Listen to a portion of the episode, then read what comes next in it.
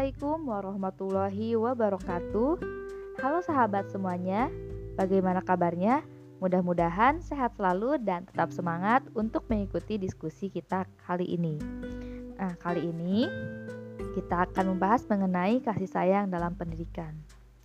Kasih sayang dalam Al-Quran disebut dengan Ar-Rahman Ar-Rahim, yang maha pengasih lagi maha penyayang.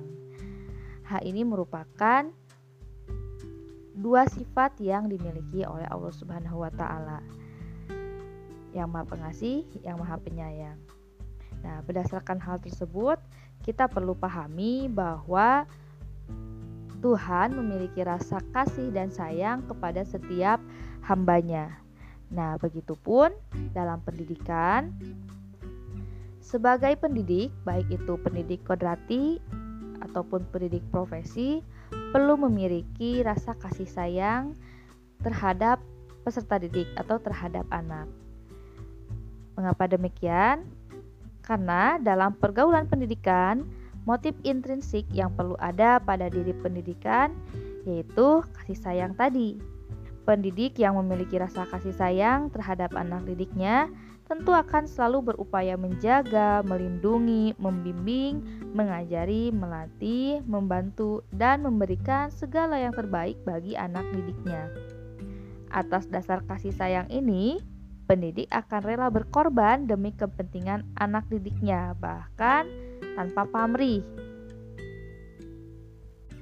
Sebaliknya, apabila motif pendidik bertindak bukan atas dasar kasih sayang, misalnya karena upah atau imbalan.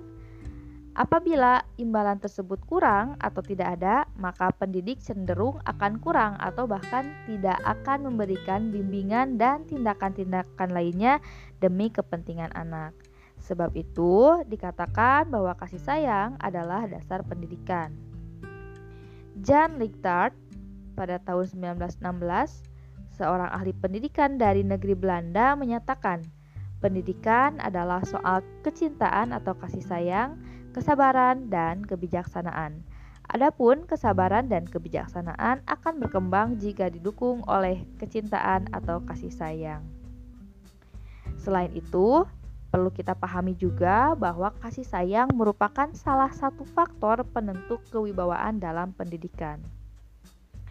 Banyak penelitian-penelitian terkait dengan kasih sayang dalam pendidikan ada beberapa penelitian yang menunjukkan bahwa dengan diberikannya atau dengan timbulnya rasa kasih sayang atau mendidik dengan rasa kasih sayang itu memberikan dampak yang positif terhadap peserta didiknya, di antaranya perubahan dalam hal prestasi, perubahan dalam hal sikap, dan sebagainya.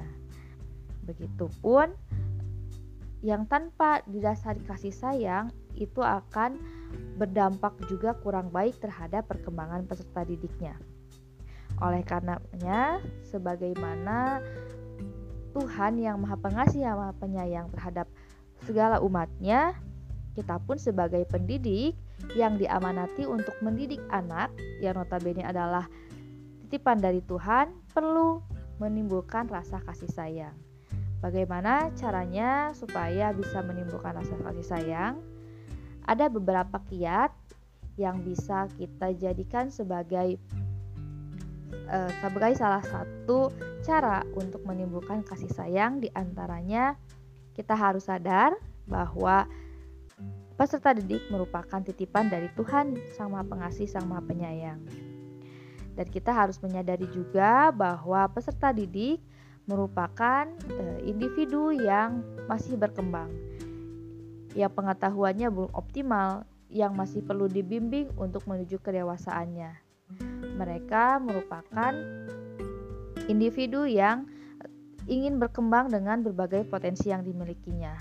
Oleh karenanya, jika kita memahami hal tersebut, maka akan mudah menimbulkan rasa kasih sayang terhadap peserta didik dalam proses pendidikan karena kita menyadari betul bahwa peserta didik perlu bimbingan, perlu adanya rasa aman terhadap pendidik, perlu adanya kepercayaan kepada pendidik bahwa mereka akan aman eh, dan mereka menyadari bahwa pendidik dengan rasa kasih sayangnya benar-benar memberikan rasa aman kepada mereka ketika berlangsungnya proses pendidikan ataupun proses pembelajaran.